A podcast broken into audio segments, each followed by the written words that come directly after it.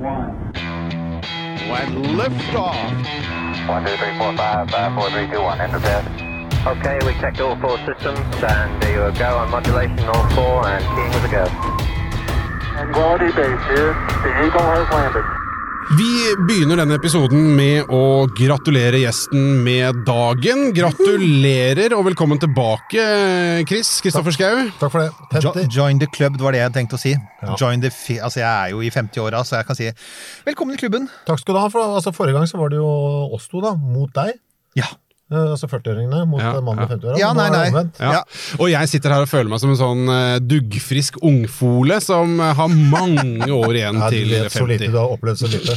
Ja, du, er, altså, du er jo da offisielt hvit mann over 50 og hører til en ganske undertrykt gruppe. Ja, nettopp. Så liksom velkommen til minoriteten. Takk. Ja. takk. Så derfor så benytter vi da altså det privilegiet det er til å snakke om akkurat uh, hva vi vil. Ja! Og så er det jo sånn da at kan vi si at uh, du har t trippet litt på døren for å komme og skape mer uh, store tanker om det store svarte intet? Ja, jeg tenkte at hvis dere nektet meg en inngang, så hadde jeg med, jeg har med bribes, gaver til dere.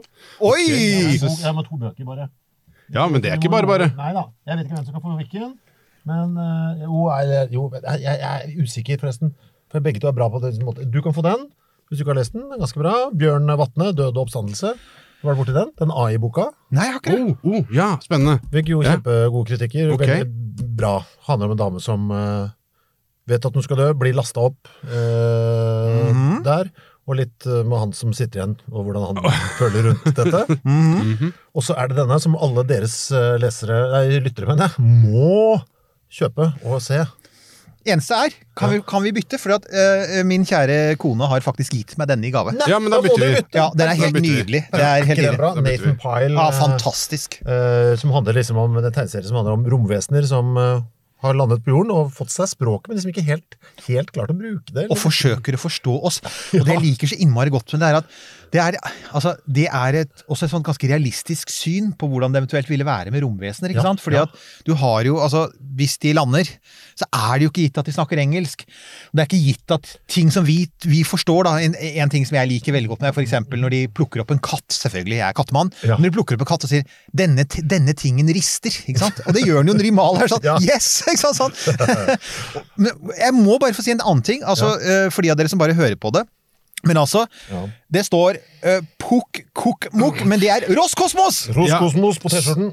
Og vi, Jeg vet ikke om vi snakka om det i opptaket, men vi snakka om det etterpå i hvert fall. At uh, Ros Kosmos-T-skjorte, det måtte du ha. Ja, jeg ble helt uh, gal etter det. Jeg så- syntes logoen var fin. Det var dere som satt Jeg kjente jo ikke til det. Eh, Og sånn, jeg- nå, altså, Vi har jo de beste lytterne, så nesten alle veit jo, men vi kan bare sånn si det for sikre skyld, i tilfelle du er ny til podkasten vår, og vi har fått mange nye i det siste.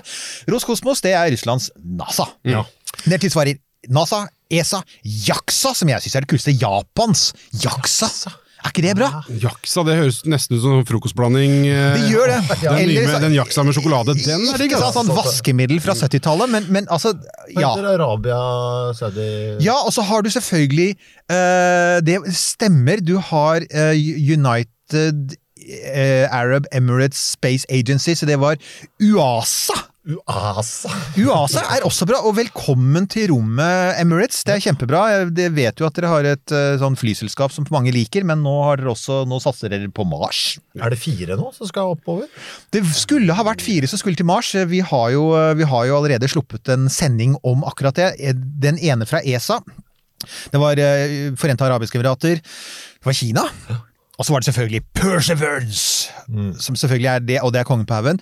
Så skulle ESA ha sendt en sånn Mars-bil, eh, oppkalt etter Frank Franklin, hun som i sin tid egentlig oppdaget DNA-molekylet, men aldri fikk kreditt for det. Ja. Men de har fått et problem, og de har faktisk, problemet de har fått, er faktisk med uh, Pukk-Kukk-Mukk. Pok-pok- Ja, Ja, fader, altså! Pok-pok-mok. Fordi uh, de har uh, Russerne de skal sende opp med en russisk rakett. De samarbeider mye, mye med russerne. og jeg tror fallskjermene som skal brukes til å lande på Mars, de har ikke helt fungert som de planla, og så har du et vindu som lukker seg 15. august. Da er Mars og jorda i feil posisjon igjen, og kommer ikke i riktig posisjon på to år. Så Rosalind Franklin blir først sendt av gårde i 2022. Vi må vente. Da har, du blitt, da har vi alle blitt to år eldre, og da kan du komme tilbake og snakke litt om hvordan det har vært eh, de, de, de, de åra i, i 50 Ja. Og da Men er jeg over halvveis. til? I livet. det Ok, tror jeg. ja, ja, ja. Ja, ja. 100 er det Altså, er 104 ikke. Nei. Nei, det er nemlig det. Jeg, pleier å si, altså, jeg, jeg er jo litt mindre optimistisk enn deg, så jeg pleier å si at når du har passert 50, så har du spist mesteparten av sjokoladen. Ja. oh, ja, men det er det ingen som ser. Jeg ser for meg at nå, 50, er et sånt frikort til å gå berserk i godterihylla. Kjære lyttere, hør, altså, det, hør på Kristoffer, ikke hør på meg. Ok, eh, la oss eh, legge vekk sjokoladeplata lite grann, Ja. eh, og så ta hold knug om kaffekoppene, for eh, nå skal det bli eh, sånn, nå skal det bli stort, og det er de store tankene. Eh, for vi har vel så vidt vært innom det tidligere, du har nevnt det før. Jeg har sett traileren, og det ser jo helt sånn fuckings episk ut. Uh, som vi, la oss starte der da, og si at dette her blir en TV-serie. Eh, produserer de, eller har den blitt satt på koronapause, eller hva er det? Det- For at jeg vil at dette skal komme så fort som overhodet mulig. Det, er, det, det vi fremdeles hører, er at det blir produsert. For at altså, de må jo produsere innhold. Hvordan de løser det rent praktisk, får vi nå se, men det er altså Det det er er mye jo, green screen her, det vil jeg anta. mye Det er det uansett, for dette, er, dette her er jo science fiction i den riktig store skalaen. Det er altså Apple som jo har gått inn i dette markedet. De har jo allerede produsert, eller står ansvarlig for, den helt eminente For All Mankind, denne alternative historien som folk bare må se. Som handler om hva som hadde skjedd hvis russerne hadde kommet først i månen. Det ville vært et, et mye bedre romprogram, ifølge serien. Men her så skal de altså rett og slett produsere Foundation. Jeg antar du har lest den? Jeg har ikke det, vet du. What? Ok. Ikke jeg Men hva, burde jeg Nå er jeg så usikker, ikke sant? for nå har ikke jeg lest den. Så skal den bli lagd serie om. Burde jeg lese den først, eller burde jeg ikke? Jeg tror du bør se serien, og rett og slett fordi at Og så lese boka etterpå? Ja, fordi at Foundation er altså Isak Asimov, veldig kjent science fiction-forfatter. Hans klassiske verk som ble skrevet som føljetong. Han begynte å skrive det på T-banen i New York under annen verdenskrig. Han satt på T-banen, og så var han veldig inspirert av en eh, berømt bok om Romerrikets fall, skrevet av en engelsk historie som het Gibbon. eh, The Decline and Fall of the Roman Empire. Og så fant han ut at hva om det skjedde med et galaktisk imperium? Eh, og så skrev han rett og slett om et romimperium som faller, og Foundation er da tittelen. Eh, den er oversatt til norsk. Den Ja. er faktisk oversatt av ingen ringere enn det er veldig morsomt. Det er spes- Arne Treholt. Altså, det er så ute! Det er Jeg, jeg visste ikke at han var han jobbet han som oversetter. Han oversatte Ja, masse. Noe La meg måtte si det han sånn. gjøre. La meg si det Han sånn. hadde jo Det mye var- tid. Skrives dette, det. dette skjedde sent på 80-tallet, på et tidspunkt da Arne Treholt hadde ganske mye fritid. Var det da? Ja, det var da. Gud, jeg tenkte at dette var noe han gjorde tidlig. Nei. nei det var... Visstnok. eh, Og, bok, og boka ligger altså Den er jo ikke lenger i salg, men den ligger på eminentebokhylla.no, hvis ikke folk veit det. Nasjonalbibliotekets satsing, hvor de helt gratis og lovlig har lagt ut 100 000 pluss bøker, norske bøker, som du kan lese på skjerm eller på iPad hvis du har det. Og Da kan du lese 'Keiserrikets fall, kolon stiftelsen', oversatt av Arne Treholt, og da det er Foundation. Ja, altså, det er ikke for sent å gi meg en 50-årsgave. Altså, hvis jeg kan få den Altså, En bok hvor det både står uh, Asimov og Treholt på. Så folkens, her, her oppfordringen går altså til dere. Det blir da når det går ut, så er det mulig en litt sånn, ikke nødvendigvis på dagen, men dere, nå vet dere hva, hva godeste Og da kan dere jo selvfølgelig, hvis dere ikke har adressen hans, så kan dere sende til oss, men dette fikser vi. Uh, hvis noen har den, så helt klart gavetips. Men poenget er, Ja. og det er jo altså dette, Det var han som på en måte da ga oss ideen om eh, romimperiet. Altså dette med at eh, du ikke bare reiser ut i rommet og koloniserer planeter, men du drar Altså, du bygger opp et gigantisk imperium med millioner av planeter og en keiser som styrer det hele. Ja. Eh, og eh, dette ligger 12 000 år inn i framtiden, ifølge Asimovs tidslinje. Og det er jo litt sånn Altså, dette har jo da senere blitt plukket opp i science fiction. Og det Ja. mest kjente romimperiet av alle, det er jo altså faktisk da Imperiet. Altså, The Empire. The Empire. Ja, ja. Which Strikes Back. For, for lov, nå er jeg litt sånn Du, du har sett den, den filmserien? Ja. Ah, ja. For da kan vi ta utgangspunkt i den, så ok, dropp den sære boka, se TV-serien om dere kan. Men, eh, men vi kan ta utgangspunkt i Star Wars. Star Wars. Og det er rett og slett bare sånn Det er altså sånn Dette er jo på en måte den ultimate fremtiden, er det ikke det? Nå to hørte jeg hva jeg sa. Jeg sa Star Wars. Og Ja. det er fordi jeg, sånn jeg, jeg hører, Først nå hører jeg at det er stjernevask. Ja, Star Wars. Star Wars. For det er ikke sånn man sa det da ja. man vokste opp, og det har jeg ikke kvittet meg med. Ja. Ehm, ja. Det er fordi du har blitt eh, så gammel, eh, Chris. Eh, Da sier man Da er man sånn Star Wars. Ja. Star Wars. Du bør begynne å gjøre sudoku. Det er visst godt for å stoppe tilstundende mental eh, svekkelse. Ja. Jeg kjenner faktisk eh, tre-fire sånne folk over 80 som gjør sudoku. Av helsemessige årsaker. Jepp. Skal vi prøve å holde oss litt grann på uh, on point-fokus her? Det jeg føler det blir min oppgave Ja, det i er min oppgave, for jeg kommer ikke til å gjøre det. Nei, det, det, Nei, det er ditt privilegium som jeg også, uh, ja. jubilant. Men jeg, har vi troa på den TV-serien, eller? Er det, er det muskler bak? Penger? Hvis man ser traileren, Ja. og jeg tror vi skal bare legge ut traileren Ja, vi. Vi skal legge ut traileren på Facebook-siden vår og i bloggen og på Twitter, sånn at dere kan se den. Traileren ser helt vakker ut. Det traileren har fått med seg, og det tror jeg er smart, fordi at når du leser selve boka, så virker faktisk romimperiet virkelig sånn smått og dagligdags, og det er ikke så rart, for at igjen, han satt på T-banen i New York og skrev det liksom mens han dura av gårde til jobben under krigen. Han var fritatt fra militærtjeneste, Asimov, for han var ikke jeg mener du Helt husker- Han var ikke stridende klasse A, eller hva det heter. Men poenget er i hvert fall at, at den, den, er litt sånn, den er litt sånn liten og tett, mens her har de skjønt at ok, du snakker om et frigging space empire, så da må det jo være grandiost.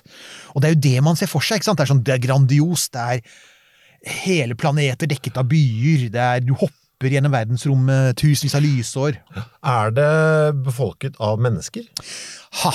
Innmari godt poeng. Ja, i Asimovs bok, og da tydeligvis i denne Apple-serien, så det så er Mennesket koloniserer det som i praksis er en galakse som er tom for høyerestående vesener. Ja, ok, Så det er vi som har flyttet på oss og lagd et empire der ute? Ja, og saken er, det stemmer jo ganske godt med rådende astronomi nå, for at akkurat der vi er nå, så, så er man veldig sånn vi, vi hører ikke noe, vi ser ingenting. Betyr det at, at kanskje vi er de første, eller galaksen er Og i så fall så betyr det at akkurat der vi er nå, så ser det jo ut som at når, liksom, når vi har flyttet til Mars, og så har liksom erobret solsystemet, og så kan begynne å flytte til de andre planetene, så er liksom galaksen ligger for våre føtter. Det- altså Når vi sier de første Sorry. Uh, bare- Nei, ja, bare fortsett. Ja, det, ja, altså, ikke sant, for det er jo en eh, interessant teori. Er det altså Grunnen til at vi ikke har hørt noe, er det rett og slett fordi vi er først? Men tenker man da uh, i galaksen, eller tenker vi Er det noen som har tenkt tanken generelt? Det han tenker er at hvis det ikke det kan altså det, det er jo en sånn, altså Man har anslått at det er sånn mellom 10 milliarder og 100 milliarder galakser der ute. Og det kan tenkes at det kanskje er sånn, i snitt er én sivilisasjon per galakse som liksom klarer å overleve og begynne å ekspandere. Og i så fall så finnes det et eller annet sted mellom 10 milliarder og 100 milliarder sivilisasjoner, men de er så innmari langt fra hverandre at da begynner det å bli vanskelig å, å, å i det hele tatt noensinne vite om de er der, da. Er det man har, har tenkt. Så det kan, jo, det kan jo hende at universet er fullt av intelligente sivilisasjoner, men at det er så langt unna at vi bare ikke ser dem, ja. Og hvis man da uh, legger til grunn her at vi har da et, et Er det da et intergalaktisk imperie, eller er det en galakse? Eller er det intergalaktisk? Ja, det er en interessant tanke. Fordi én ting er jo at man skal, man skal befolke og, og, og på måte erobre en galakse som er eh, stort nok i seg sjæl, men hvis du da skal begynne å, å, å reise mellom galaksene, så er det jo et stykke fram til at man klarer å Det er så vidt vi klarer å komme oss til Mars, som er, som du sa tidligere, er rett utafor dørstokken. Og det er, det er jo, altså, I sånne utgangspunkter da, så er jo hovedproblemet først, det er jo avstandene. Vi har jo Ja, du husker jo vi, Forrige gang du var hos oss, så snakket vi mye om Umeamea. Ja. Mua Mua. Mua, mua, mua. Ja, den den der lange, svære steinen som forsvant uh, forbi oss i rasende fart. Og som etter hvert vil ende opp å fly mot stjernene med en fart på noe sånn som 90 000 km i timen. Så, som høres raskt ut, men som selvfølgelig er ingen verdens ting i forhold til det du trenger da, for å komme deg til stjernene. Og selv det raskeste romskipet vi har, og det er akkurat nå så er det Voyager-sondene, de som ble sendt ut på 70-tallet. Hvis, hvis vi hadde sendt dem rett mot Alfa Centauri, så hadde de kommet, som er nærmeste stjernene til oss, da, det er tre stjerner, så hadde de brukt noe sånt som 80 000 år. Ja. Altså, det handler jo om å finne noe annet. Og da er jo det første folk tenker seg, da er ok, der vi er nå, så er det ikke mulig å tenke seg at vi kan fly så raskt som at vi kan komme dit på rimelig tid, så derfor så har folk begynt å tenke seg sånn ideen om romarken. Ja. Men der, du bygger et svært romskip, du kan kanskje fly dit på 1000 år, da. Og da bygger du et gigantisk romskip, eller generasjonsskip. Det er liksom en av tankene som har vært der ute. Som er sånn, da, og da, da lager du en kjempesvær romstasjon i praksis, og den skal være totalt selvforsynt. Helt perfekt selvforsynt. I generasjoner etter generasjoner etter generasjoner. Og så, ja, romark, eller eh, så Space Ark, eller Generation Ship. Og da skal du for eksempel, hvis det er 1000 år, da, så er det noe sånt som 30 generasjoner. Altså, det er så mange Det er, det er så mye skjær i sjøen. altså, jeg leste jo her uh, ganske kule nye boka til Bill Bryson om kroppen. Oi, Eh, den er... Body and Odyssey, eller sånt heter den. Og kan vi bare stikke inn Folkens, noter mens dere hører på, for vi klarer aldri å få med oss alle. For, for, for Chris er kjempeflink til å anbefale bøker, og det er gode bøker. Bill Bryson er fantastisk. Så en gang til. Ja, Bill Bryson, jeg tror den heter er Odyssey, og så uh, The Body, og så An Odyssey, eller et eller annet sånt. Ja. Men der har han jo Han går gjennom hele kroppen, kjempegøy. Hud og hjerne og alt mulig.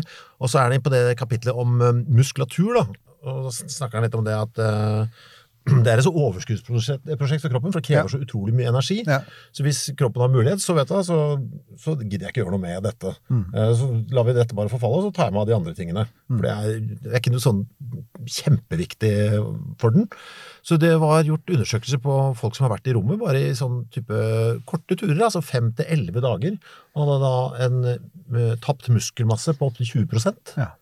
Og hvis du da ser for deg sånn hele generasjoner altså, som bare bor der oppe, og som alle altså, Da blir alle sånn som i Wall-E, hvor, de, hvor de, Ja. den tegnefilmen med Wall-E, den lille roboten som er igjen på planeten jorda, som bare er full av søppel, og alle menneskene bor oppe i verdensrommet. Ja. Og som bare hovrer rundt på sånne hoverchairs, Ja. og så får de mat og drikke bare levert av roboter. ja, men så sånn bare der der. så har vi et litt sånn okay, Det er bare en blob med en hjerne. Ja, men bare der så vet vi ikke hva som skjer.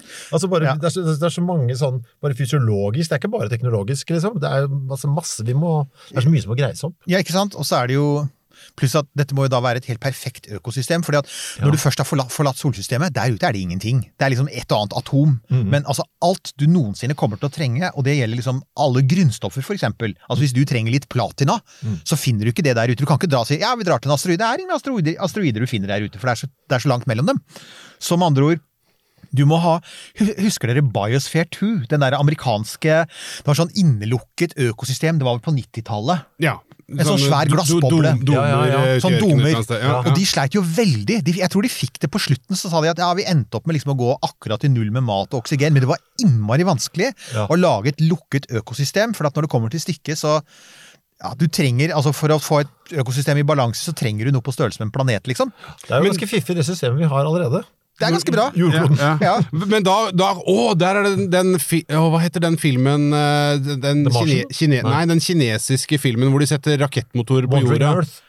Hva, hva? Wandering Earth, ja. Ja, ja, stemmer. Ja, ja, ja, ja, ja, hvor de setter rakettmotorer på, på, på jorda for å flytte den vekk fra sola, eller eh, nærmere sola, eller et eller annet sånt noe. Ja.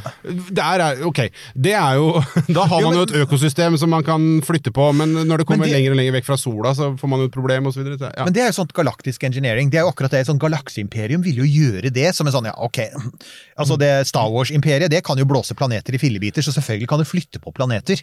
Så ja, da, da har du muligheten til å gjøre det. Men, men, det jo, men der har du igjen altså at det økosystemet vi har er så innmari finjustert, så det er vanskelig. Og så har du det psykologiske, og det er Du tenker deg Ok, den første generasjonen som drar av gårde i generasjonsromskipet er sånn Hei, vi skal til Alfa Kentauri og starte en ny verden! Yes! Ikke sant?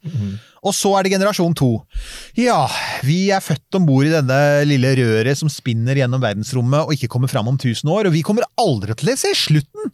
Og vi, vi er bare født her og skal leve dette lille trange røret resten av våre liv. For å sørge for at uh, maskineriet går, sånn at Ja. om, om 28 generasjoner, så er det noen som kanskje Ja. får slikke på den sjokoladeplata som ligger i andre enden. Og så er det jo Mennesket er jo noe av det mest aggressive som fins. Altså, så konflikter innpå der, det er ikke mye som skal til. Og vi, vi Ikke trenger sant? at vi ligger med hverandre og holder dette gående. Altså, Det er, Ja, og det, ikke sant, det akkurat det, det, Det blir Hurtigruta, det der. Ja, og så tenker du sånn, ok, du vet, så ta hurtig, ikke sant? Og så, og så i tillegg så, så kommer det sånn som sier, ja, ligger med, hverandre, altså sjalusi, Ja. hva skjer, altså, hvis, hvis du får et veldig stygt oppbrudd da, Ja. og du, du har en veldig stig breakup, så er, altså, i, på jorda så kan du faktisk flytte til en annen by. Du kan flytte, hvis du er, har hatt et stygt brudd med noen i Oslo, så kan du flytte til Trondheim. Her er du aldri mer enn noen kilometer unna, ikke sant? Hvor stor CV har man for seg? Har du, gjort noen tanker om Ja det? da, man har det man har funnet ut. Det har faktisk vært regna på liksom sånn, det minste antall mennesker du trenger for at du skal, også genetisk sett, for ikke at du skal få innavl, for det er enda en ting, de skal jo få unger. Så du kan nemlig blir veldig Det følger selvfølgelig med banjo på turen. Altså, det er eh, Ja, nei, nå skal ikke jeg komme nei, men- Jo, kom med. Nei, jeg bare Si det. så Det er en annen fyr jeg følger på YouTube som er veldig god på å dekke eh, USA, og intervjuer eh, mye sånn rusmisbrukere og prostituerte og sånt noe. Han har vært da innom og gjort et intervju med en uh, familie med innavl. Og jeg har aldri sett det før, jeg, altså, altså hvordan det, det er, hvordan det tar seg ut. Og det er nå, liksom! Ja, det er altså, nå. det er nå USA nå. Ja, ja. Og det er Er det oppe vi er på latchen? Ja, det er selvfølgelig West Virginia, helt- eh, som alt eh, er. eh, sånt. Og det er, eh, og det er bare aldri blitt plukka opp av helsevesenet eller noe, og det er liksom Det kan ikke snakkes, og det er et ja, Nei, det var skremmende, det var skremmende å se på. Men jeg bare, så slo meg med dette her ARK-prosjektet. Ja. Fordi eh, jeg har nettopp sett eh, første sesong av eh, serien Snowpiercer. Oh, ja! Og der har de jo tog av en eller annen merkelig grunn som bare sirkler rundt ved en frossen planet. Oh, Og deilig. spesielt valg med et tog som da er drevet av en evig, tog, ja, evighetsmaskin. Og, og der har du jo, det er 1001 cars long, dette toget. ikke sant? Kjempe, kjempelangt tog. Og bakerst så bor jo da de som klarte å hive seg om bord eh, idet toget gikk fra perrongen. Og så har du hele veien opp da til første klasse som lever i overflod. Og der har de jo et lukka økosystem. Det er jo et hav om bord på et tog, og det er Oi. jorder, og de har for å få fisk og sånn, og de har kuer og alt mulig. Men- sånn at de på første klasse lever jo da i, i, i luksus og i overflod. Bakerst så har du de folka som bare får spise Soylent Green, på en måte. Uh, Det er et innmari godt poeng. Hvordan blir politikken om bord der? For det, det er klart, i det lille lukkede systemet, da, hvor alt skal resirkuleres perfekt Altså, du, det har jo- faktisk ingen hensikt å ha en pengeøkonomi, for det er så smått. Altså, hvem, du, liksom, det er jo ingen å drive handel med, for du har liksom det der jordet og noen kuer, ikke sant? Ja, ja, alle driver, altså, så det, det, har, altså, det, er- det, er, det faktisk en ting man så vidt har begynt å tenke på. Man har liksom tenkt, jo, jo, du bare transplanterer det jordiske systemet. Ja, hvilket jordisk system da? Uh, den globaliserte kapitalismen med millioner av aktører og jetfly og produksjon i Kina. Det vil jo ikke funke sånn. Det vil jo funke mye mer som en bitte liten norsk eh, landsby for 500 år siden, egentlig. ikke sant? Hvor alle bor tett på hverandre, alle kjenner alle, alle har seg med hverandre, alle krangler med hverandre. det, er, det vil jo ligne mer på det, da. Jeg lurer også på hva som vil skje Altså, Det vil jo sikkert utvikle seg en eller annen form for religion der også. Eh, bare sånn by default, for du er så lukka og rart. Aniara, tenker jeg.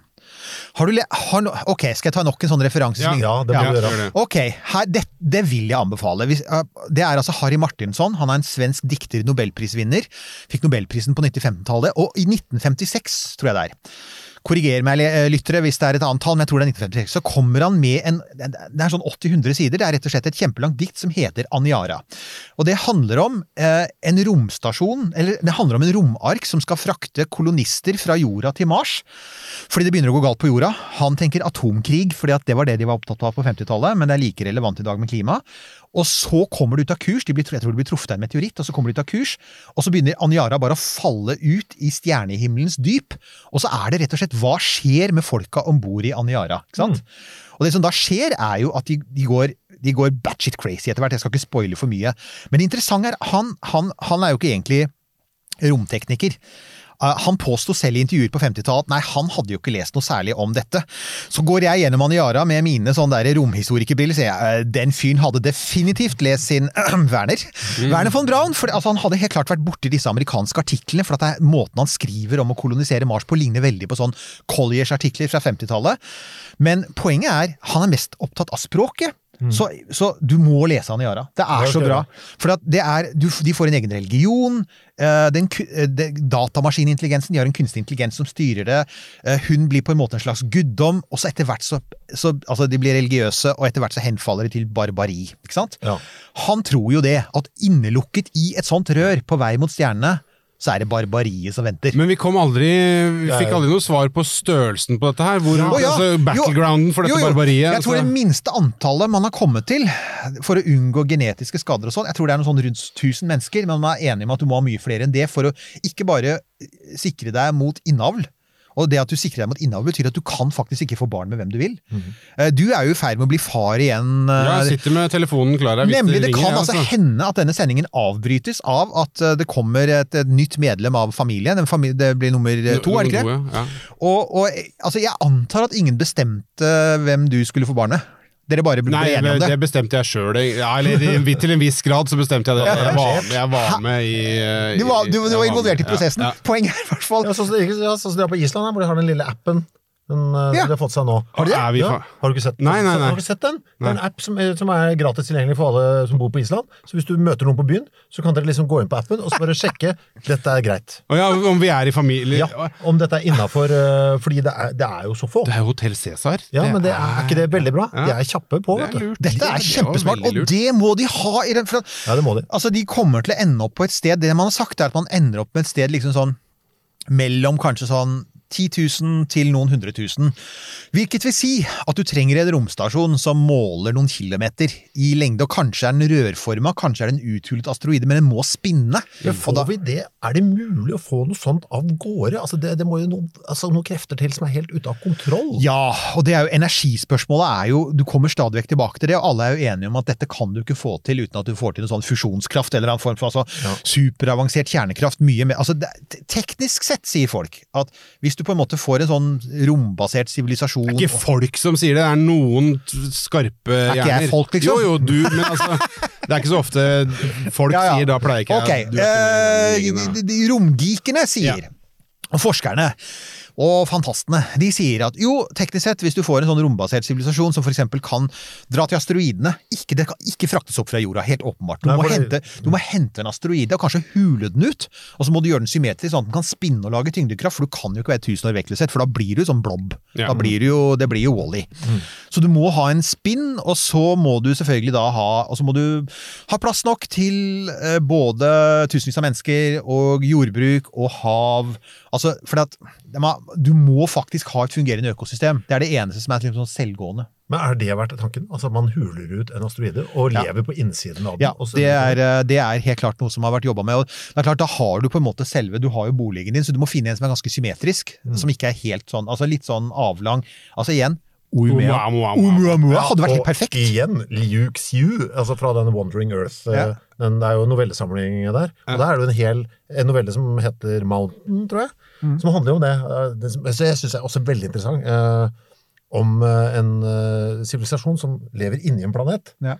Og bare lever på innsiden, og har bare sett innsiden og tror at det er hele universet. Ah, men sånn vil det bli, vil det ikke, vil det ikke bli sånn, fordi ungene som etter, etter, ikke, ikke etter to generasjoner, men etter sånn 20 generasjoner, Ja. så vil vi, vi sliter jo nå med altså Du nevnte jo disse i Appalachians, ikke sant? Ja. De lever også i sin egen verden sånn nyhetsmessig. Ja. De tror jo faktisk at Trump er Jesus på jorden, Mm. og at korona ikke smitter, eller korona er en kinesisk oppfinnelse, eller at det bare er tull. Vel, altså, etter 20 generasjoner, for eksempel i det lille røret ute mellom stjernene, hva skjer da med Altså, hvilke, hvilke de bare sier sammen men vi tror ikke at jorda fins, vi. Ja, vi har bare sett det. Ja, vi har hørt rykter om Vi har det. rykter om det, vi ser at dere har videoer, men videoer Ja. kan manipuleres. Hvordan vet vi, Hvorfor er ikke det deepfake, liksom? Ja.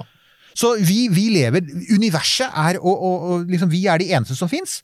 Og dere påstår at det er noe i den andre enden, dere som leder dette her.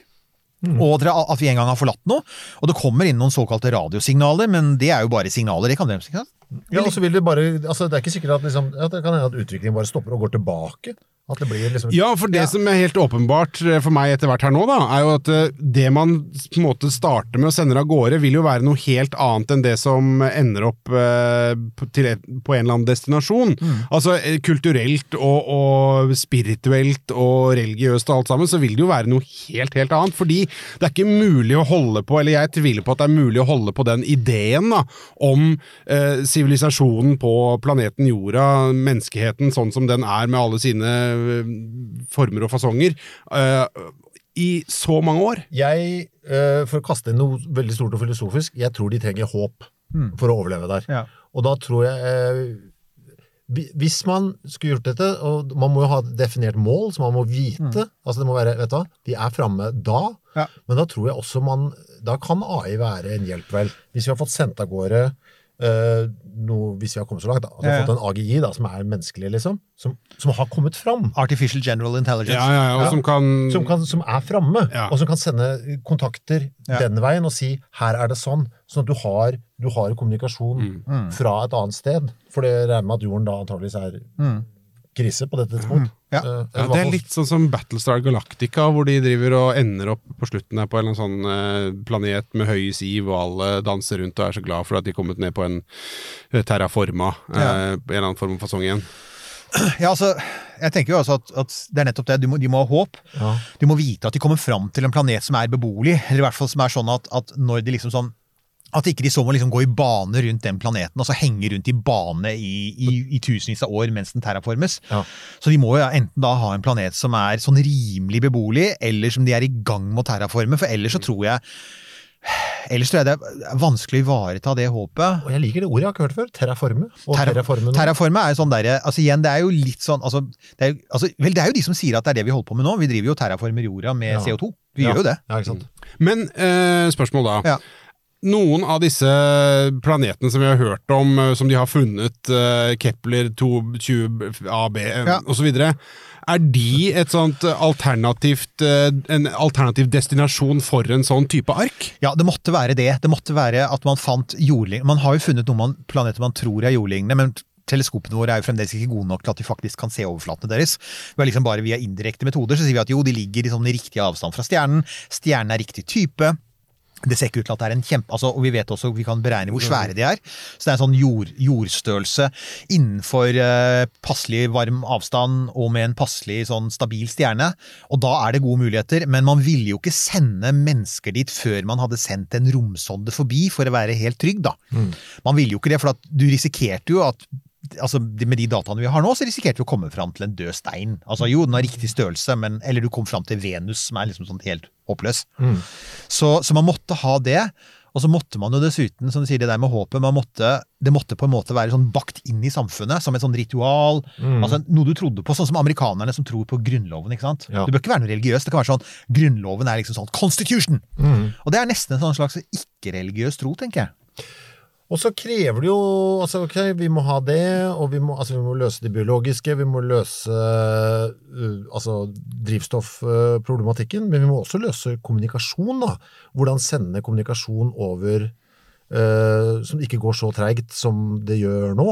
Altså, for Ja, ikke sant? Hvis du har noen som er framme og skal snakke. Ja. For En annen løsning er jo f.eks. å sende ut uh, fem forskjellige arker som med forskjellige destinasjoner, som kan snakke seg imellom. Også, hvis Ja. de hadde, men da må vi jo løse Da må vi finne en bedre måte Nemlig, å og det, på. der peker du egentlig på Det hovedproblemet, er som er Tror når det er ark vi- nummer tre som kommer til feil sted. ja, ja, ja. Men altså Ja, men det, du, det tror, Der peker du egentlig på hovedtanken der vi er nå, da, som er der vi er nå. Så virker det jo altså, Kanskje man kunne sende en romark til altså Det finnes en stjerne som heter Tau Ceti. Det er en ekte stjerne. Man tror at det finnes noe sånn Kanskje finnes noe jordlignende i bane rundt den. Anta at vi finner noe som passer for oss der. Den ligger ti lysår unna. Ok, så flyr du dit da på 1000 år. Anta at du klarer det. Bruker 1000 år på å fly ti lysår. Eh, men da er jo for å Altså, Hvis du da skal kommunisere med jorda, så er vi fremdeles der at det er radiostråler. Eh, og det betyr at det tar, det tar jo da 20 år å få svar. Og som du sier, hvis man skal kolonisere galaksen og begynne å lage et sånt imperium og sende i ulike retninger, jo lenger unna de kommer fra hverandre, jo flere år tar det. Ja. Og det er, det er derfor man sier at med denne metoden så kommer vi aldri til å få noe sånt. Det kan hende at etter hvert flytter folk ut i galaksen, men vi får jo aldri noe imperium, fordi at de kommer jo ikke til å prage, gidde å prate med hverandre hvis det tar 500 år å få svar. Er det ikke sånn at NASA driver og sjekker nå og jobber med å sende informasjon via laser? Det gjør det, men det er fremdeles begrensa av lyshastigheten. Så der Ja. vi er nå Og det er sånn, Med kjent fysikk, da. Det er det som man sier sånn, Med kjent fysikk så sier vi at lyshastigheten er fremdeles den absolutte øvre grensa, som Einstein sa. Uh, og, og det er ikke Så, så det derre å hoppe gjennom verdensrommet, eller å sende signaler fortere enn lyset, sånn som man hele tiden gjør i Star Wars det er, liksom, det er bare forutsetning. Ah, det tar bare to timer eller tar det ti minutter å komme seg til en annen stjerne. Altså, det, er helt, det er helt hinsides noe som kjent fysikk sier. Men, ja, for jeg tenker løsningen på alle problemene som vi har snakka om så langt i sånn ca. en halvtime, er jo fart.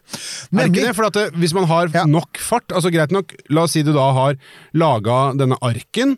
Eh, der har du sendt opp noen folk med noe bor og noen jackhammers som har uthula en asteroide som man da på, med en eller annen merkelig håv har klart å fange. Mm. Eh, laga den til at her kan vi bo. Eh, satt folk eh, om bord og farta av gårde, har et relativt fungerende økosystem.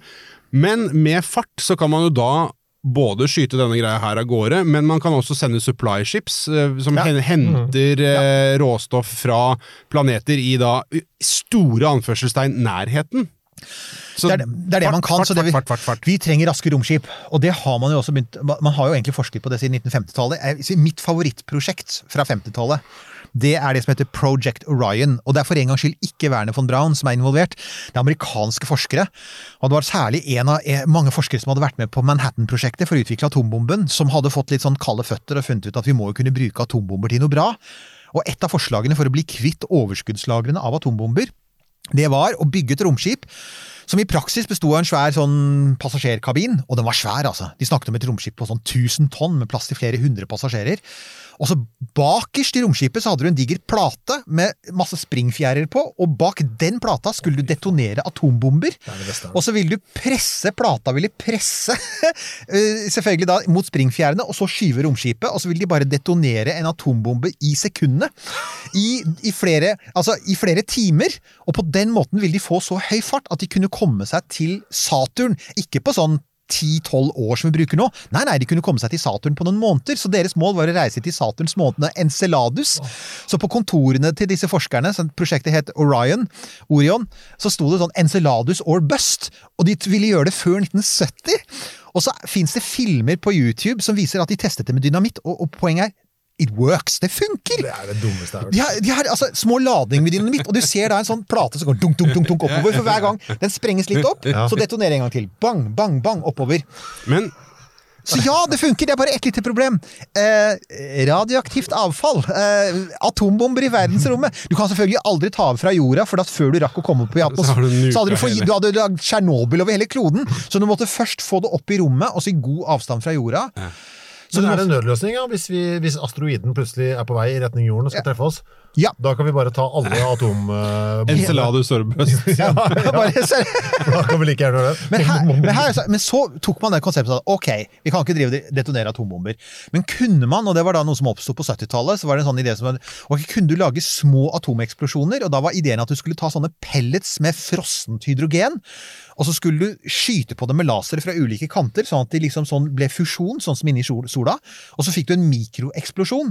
Og på den måten så kunne du få en mye jevnere akselerasjon, og du ville dessuten få en mye renere brenning. Du ville fremdeles måtte fyre det av oppe i verdensrommet. Og det er et prosjekt som heter Daidalos, etter uh, Ikaros, vet du. mm. Som fløy for nær solen mm. og falt ned. Ikoros har jo en bror som heter Daidalos, og Daidalos overlevde. Så Ah. planen var faktisk å sende en romsonde til Alfa Kentauri med massevis av små fusjonseksplosjoner, og da vil du komme opp i noe sånt som 10-20-30% av lyshastigheten. Og hvis du kommer opp i sånn 10% av lyshastigheten, så kommer du deg fra jorda til Alfa Kentauri på 40 år innenfor en levetid. Ja, ikke sant? Da blir det plutselig, da er det plutselig mer interessant. Ja. Så det er et såkalt raskt romskip. Og hvis du bruker antimaterie, ja. så kan du fly enda fortere. Da kan du fly kanskje 50-60-70% av lyshastigheten. Og da begynner det å skje interessante ting med tiden. Hvis vi klarer å fange svart materie. Gudene må vite hva vi får til da. Nemlig, og, det, og, og svart energi, det er der ute, og vi har jo ennå Ja. ikke lært å fange det. Og det bringer oss til, ok, hvis vi skal ha raske romskip, så har vi jo én ting som, som går for oss i hvert fall, og det er at de som er om bord i romskipet, det skjer ting med den. Og da skal vi, ta et, skal vi rett og slett ta et Vi har fått et lytterspørsmål. Ja, og et uh, spørsmål Et internasjonalt spørsmål. Det er Jasmin Ja, fra, fra- Sverige. fra- Takk for at vi har fått svenske lytter lyttere. det skal jeg feire med en bolle. Ja. Ja. Tjenere der borte i koronaland. eh, Dette, er dette er første steg til kolonisering av eh, Apropos med deres. Ja, jeg syns det. Vi er liksom, vi har, nemlig. Dette er veldig passende. En ting jeg alltid har hatt lyst til å se, er det noen som har, har dere sett Dr. Alban sin eh, hyllest til han Tegnell? Han, eh, Men vi har ikke det. Nei, Hello Sverige, Lysner på Tegnell. den, ja. det er bra. Den er gammel. Uh, synes det, apropos det, synes jeg det er noe av det morsomste apropos Sverige i det siste, og TV og alt. Og også atomkraft! Herregud, det henger sammen! Uh, TV-serien Tsjernobyl. ja. At den er laget av Stakkabo, ja, ja, ja. ja den ja, gamle artisten. Det synes jeg er helt I did not know. Okay. Jeg må få sett den. Here we Men go again. Ja, here we go. Okay, okay. Ja. Hej! Uansett. Hej! Här kommer en stor kram och varma hälsningar från Sverige och nej, språket är inte ett problem. Haha, nej det är det inte. Jag har länge varit intresserad av rymden och allt vad det innebär, men länge funnit det svårt att hitta enkel och förståelig information tills jag hittar er. Tack för att delar, eh, för, för att delar upp rymden Break It Down for Dummies. Att ni gör den kul och förståelig. Eh, jag har några frågor till er och skulle gärna vilja höra lite mer om detta. Interstellar, och där kommer den igjen. Der kommer den igjen. altså. Folk, våre lyttere sier sånn Vi vi tilgir dere aldri for at ikke dere likte Interstellar. Vi hadde en sånn epic film oh, ja. move battle, og vi skulle, et, vi skulle jo hatt en livesending som ble avlyst pga. Av det vi vet. Uh, og, og, vi, og der hadde vi egentlig lovet noen disse lytterne at vi kommer til å si litt om Interstellar, for at vi skjønner at dere liker den. Hva syns du om Interstellar? Jeg eh, likte den ganske, ganske godt. Som sagt, jeg foretrukk Arrival langt bedre. Ja, ja, ja. ja, ja. Men- jeg likte også Interstellar ganske godt. Det var bare, Den ble litt sånn tung på et eller annet tidspunkt. Ja. Litt sånn Den er, seig. ganske, den er mørk også, altså. Ja. Og, det er, og Matthew McConaughey, jeg liker han, jeg. Altså, Ja, ja. men, jeg men her, den, du anbefalte jo den derre mm, Herregud, et eller annet Monolith, når jeg var her sist. Ja, ja. Uh, hva het ja. den igjen? Og den boka, ja. Ja. The Spectre of the Monolith, ja. Ja. Om kosmisk nihilisme. Ja, for der er han vel innpå også på Interstellar snakker om den der, gjør? Ja, han er det. Ja, og da ble, ble, da ble jeg litt mer glad i filmen igjen. For det viste seg at han liksom har gjort veldig mye research. da. Det er gjort masse research, og, og og, det snakket med miljø og fagmiljø. Og, så det mye Fa sånn, faglig sett er den dødsinteressant, og vi har faktisk fått en sånn Vi har fått spørsmål med utgangspunkt i Interstellar som vi etter hvert får ta, som er liksom sånn Hva skjer hvis ting roterer på En, en klode roterer så fort som i Interstellar? Men for å komme tilbake til. Ja. det er, så, så ja, det er en av mine absolutt favorittfilmer, sier hun, ja? Ja, en av mine absolutt film, filmer, favorittfilmer. Og nei, jeg skal ikke kritisere dere for at ni ikke tok tog eh, med den i det episke filmbattle. Men noe som jeg stendig ki- meg i huvudet over, er dimensjonene og Ja. tiden. er det faktisk mulig at man skal kunne, kunne flyge langt ut i rymden? at de som er kvar på jorden oldres i vanlig takt, men inte du selv. Hvor fungerer dette egentligen? Eller er det bare film? Einstein. Einstein! Helt riktig. Ja, relativitetsteorien. Det er det. Det er den spesielle realiteten. Jeg jeg pleier å forklare det der for, for Ja. folk som liksom syns at det der er kjemperart, ikke sant? og det er det jo. Og det er jo helt vilt. Det, altså, jeg forstår det ikke. Altså, for jeg synes det, It makes no sense til meg som menneske. Og da pleier jeg å si at hvorfor den stemmer. Jeg synes det er så veldig godt eksempel med GPS. eh, som jo da den lille satellitten som Ja. går der ute, som jo justerer seg mot uh, relativitetsteorien. Det gjør det. Ja, For Hvis ikke så hadde det vært noe sånn som 12 km feil i visningen. eller Ja. For tiden går annerledes for den satellitten. Så, og han lagde altså den teorien lenge før noen visste hva GPS var. Og jeg synes Det er, sånn, det er et sånn nydelig eksempel sånn, i daglig Vi bruker jo GPS-en hele tiden nå, Ja. og der har du den, liksom. Og et annet konkret eksempel er jo sånn kosmisk stråling, partikler fra verdensrommet. Det er mange, altså mange av de kosmiske partiklene kommer mye lenger ned i atmosfæren enn det de ellers ville gjort, fordi de lever lengre. Og hvorfor lever de lengre? Fordi de beveger seg nær lyshastigheten. For de, de går jo, Når de liksom treffer atmosfæren, så går de begynner å gå i oppløsning. Men fordi de beveger seg så nær lys, lyshastigheten, så går tiden langsommere for dem. Så man kan faktisk se partikler som har lengre liv, fordi de flyr veldig nær lyshastigheten.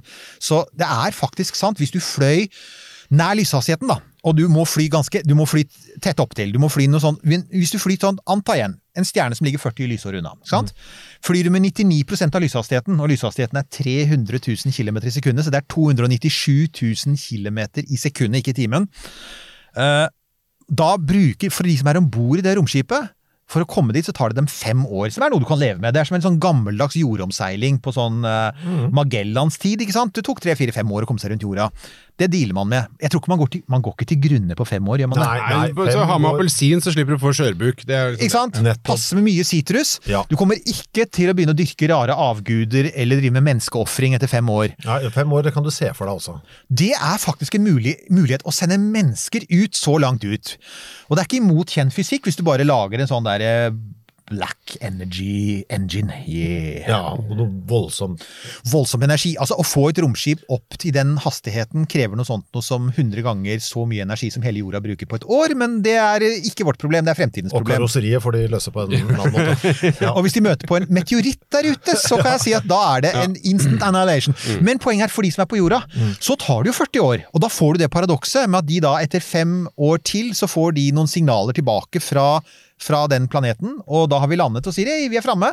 Og det de da ser, hvis du da er på jorda og har en slektning, du har f.eks. da en bror eller en tvillingbror som har reist av gårde, eller tvillingsøster, så vil du se at ja, hun, ser, hun, er blitt, hun er blitt fem år eldre på den filmen, som riktignok har brukt fem år tilbake igjen, fordi det har tatt fem år å sende signalet. Men poenget er at hun er blitt fem år eldre, og du er jo blitt 40 år eldre.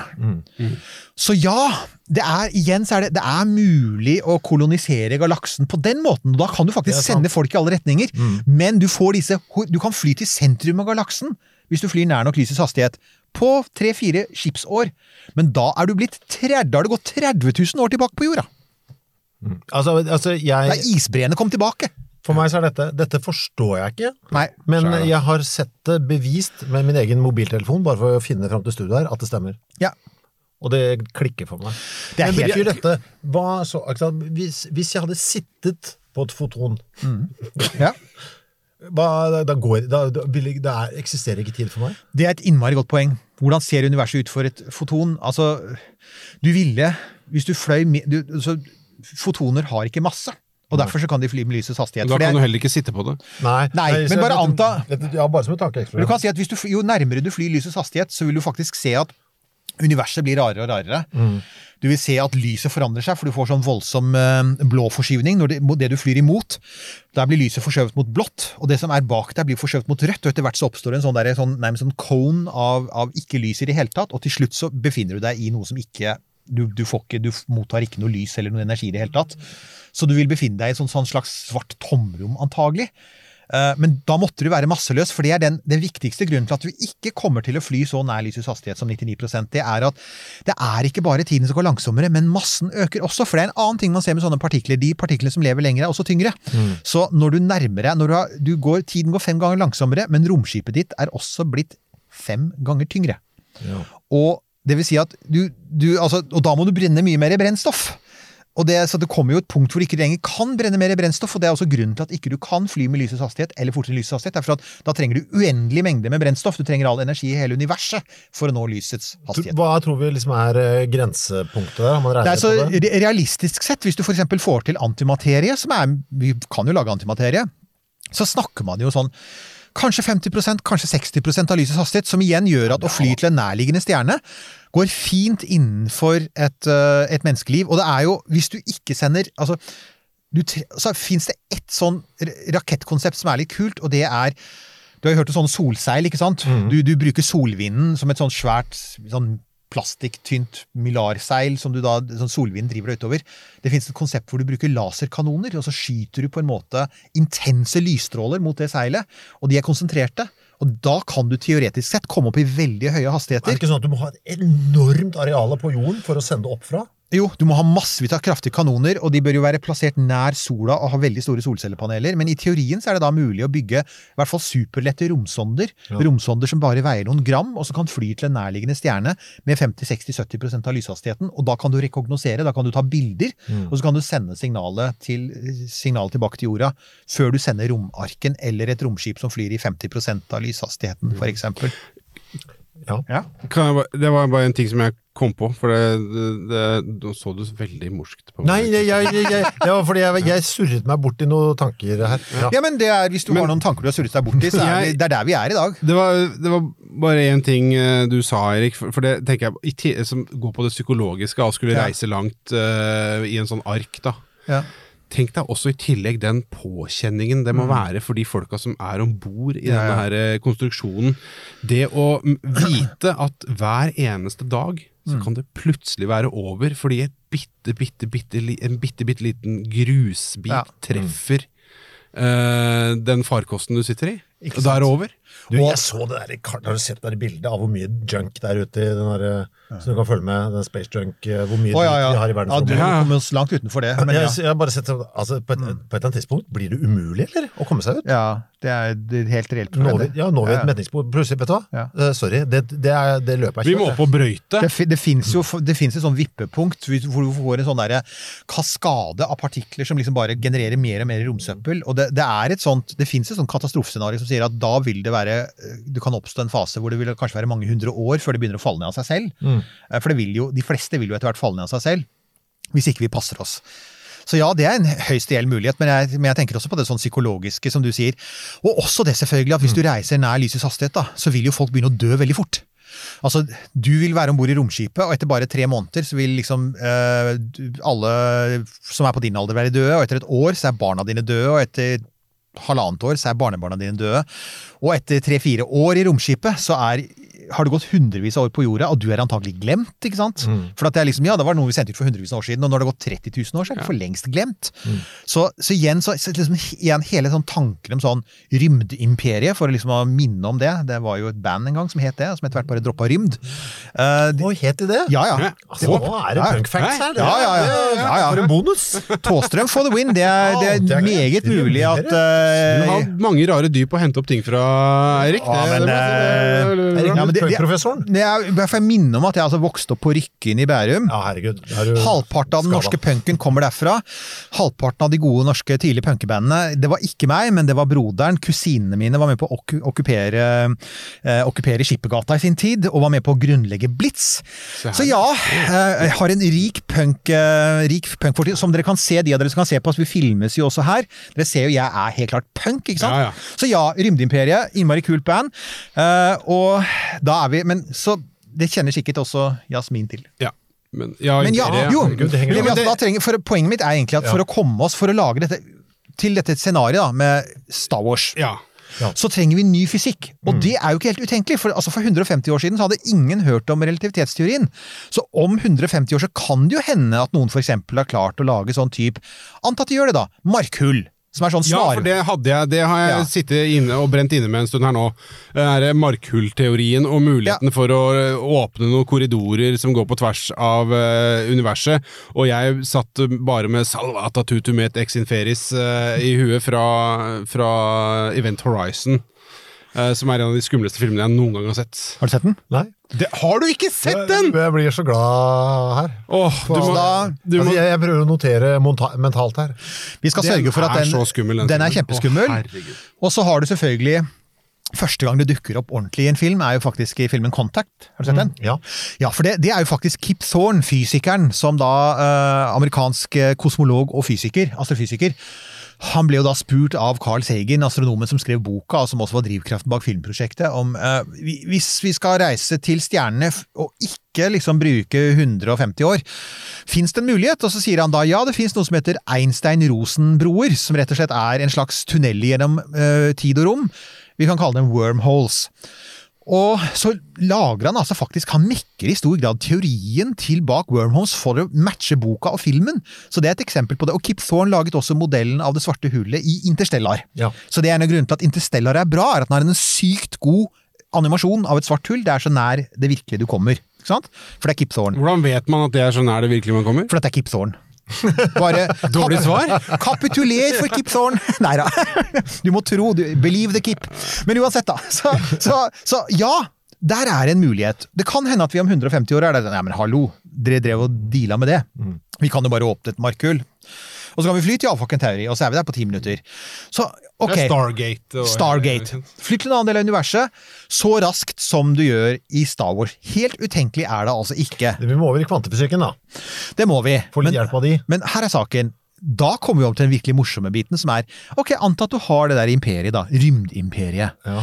Så har du ja, Åssen er det da? Har vi en keiser? Har vi president? Jeg tenker meg, Galaksetinget! Husker dere Star Wars? Ja. I en av filmene så viser de altså en av de, en av de første en av de, altså Film nummer to eller sånt nå, som er, egentlig er Stortinget live, men bare laget i film. Så, det er endeløse handelsdiskusjoner! Herregud, så kjedelig! Men så viser de den derre de viser den tinghallen da, hvor de Ja. møtes, og det er representanter fra hele universet.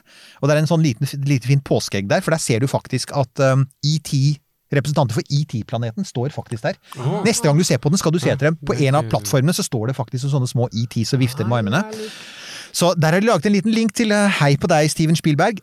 Poenget er, det er altfor altså, Hvis du har et romimperium med ti millioner planeter, da, som er det eh, Asimov tenker seg, som egentlig er greia i Star Wars Stortinget med ti millioner Tenk deg å sende en, hørings, eh, en reguleringsplan ut på høring der, da. ja. Og tenk deg hva Senterpartiet vil si! Det er langt til Oslo, men det er mye lengre til galaksekjernen! Ja. Og vi er der er vi bare én av ti millioner! Nei, vi skal ikke inn i rymdeimperiet. Altså, hvis det, altså, det må jo bli et felles språk òg, da. Ellers er det jo helt eh, kjørt. Ja, og, hvor- det er nemlig det. Hvem skal styre det? Og hvem skal styre det? Og, og det, det er sånn jeg tenker, for at altså Simultan oversettelse, da. Kom igjen. Da har Ja, ja, du da har du. AGI og Ja, sant, det er så- så sant, da det har var en du- propp i øret. Jeg trekker det tilbake. Ja. Jeg glemmer, hvor langt, jeg glemmer hvor langt vi har kommet. Ja, du, ja, ikke sant? Det er nemlig det. Den der Du med GPS-en din. Ja, og AGI-en din dukker alltid opp. Ja. Nei, men, altså, men, men det, tenk, samtidig så er det sånn, ok, vi har hatt noen imperier på jorda, ikke sant? Mm. Og det opprinnelige romimperiet til Asimov var inspirert av det romerske imperiet. Og ja, det betyr at du omfatter masse forskjellige kulturer. Det er multi, det er, imperiet er per definisjon multikulturelle, så hvis det er noen som sliter med multikultural, multikulturalisme der ute, så må dere skru av nå. For at kan si romimperiet er per definisjon det. Men hvis vi da antar Nå har jo vi antatt at alt sammen blir folk, da. Men selv på de ulike planetene så kan det jo bli ekstremt ulike kulturer, for de, jo, de jo, ligger jo i hver sin del av universet. Mm. Hvordan håndterer, altså, når du ser hvordan vi håndterer det her, da, hvordan i all verden håndterer vi det da? Ja, så blir det jo så, det blir jo så mye rødrette definisjoner òg, basert på hvordan vi behandler dyr her. Altså, det er jo sikkert noen kulturer der ute i galakseimperiet mitt hvor det er er dette, Skal vi regne dette som intelligent liv, eller er dette Skal vi ta det som regnere som, eh, som noe vi kan slakte og ete? Mm. Altså, det blir, det blir vanskelig der, fort. Ja, for altså, greia jeg tenker sånn Tenk deg livssykluser, da. Nei, nå, nå tar vi pause for lunsj, og så er for noen så er det ti år. Ja, ja, Det er et innmari godt poeng. For det, er, altså, det kan jo hende, det er sånn, Vi har liksom bare tatt for gitt at, at alle følger samme standard. da. Ja, ja, ja. Og, og, og Vi har også tatt for gitt at det er tomt der ute, men det er jo veldig mulig at hvis vi begynner, på et sånt, hvis vi begynner å bygge et galakseimperium, før eller senere så treffer vi noen andre. ja. Og de holder da på i sin avkrok av galaksen, mm. og er i ferd med å bygge sitt lille rymdeimperium. Og da tenker jeg sånn igjen, hva, Hvordan håndterer vi det, da? ja. Er vi, er vi i det hele tatt i stand til Nei. Svaret er nei, ja. Altså, det, jeg, er, det er egentlig frem til er, er Star Wars egentlig et innmari realistisk Det er jo ikke bare en Altså, de tre første filmene er jo kule. Eh, er det også i tillegg et ganske realistisk scenario, rett og slett? Fordi at altså, Star Wars-universet er jo fullt av alle slags arter. De har sånn alle mulige slags store og små med eh, antenner og alt mulig sånn. Eh, Stort sett De er Hollywood-skuespiller. humanoide. Det er nemlig det. De er eh, Hollywood-skuespillerstørrelse på dem. da. Ja, det er faktisk det. Gummimaskefaktor. Ja, og det er ikke sånn at en, en av de blir brukt som mat for en av de andre, som fast. Nei, og er det det i det hele tatt realistisk? Nei, Jeg tror ikke det. Nei, Tror ikke tror det? Nei, kanskje ikke. Altså Som du, som du sa, da, at mennesket, sånn som vi kjenner det, Ja. er jo en av de mest aggressive artene vi vet om. Mm. Uh, og, og det der, det at hvis vi kommer over noe som vi kan spise Mm. Altså Hvis du finner en planet altså Hvorfor er, er- hvorfor er planeter og, og ah, himmellegemer uh, interessante for uh, menneskeheten? Da? Jo, fordi at man tenker at her er det noen ressurser, det er noe vi skal bruke, det er noe vi skal utnytte som er på denne planeten. Ja. Ah, det er spennende med Mars, der er det eh, mineraler vi kan bruke. Ah, det er spennende med en eller annen asteroide, her er det noe, eh, noen mineraler vi kan bruke til et eller annet. Så det er jo alltid en eller annen sånn nytte. Eh, nyttegreie involvert i, i Som ligger i bånn et eller annet sted. Da. Det er, man kan Ja. si det veldig nobelt at ja, vi skal utforske og vite hva som er der ute, men til syvende og sist så skal man på et eller annet tidspunkt ha en eller annen form for uh, ROI på de kronene man har investert. da. Det er et innmari godt poeng. altså at Vi har, liksom, vi har vokst opp i NASA-fasen, og NASA ble takket være et veldig klokt eh, kongressvedtak i 1958 ble en sivil organisasjon med fokus på forskning. Det kan vi være kjempeglad for.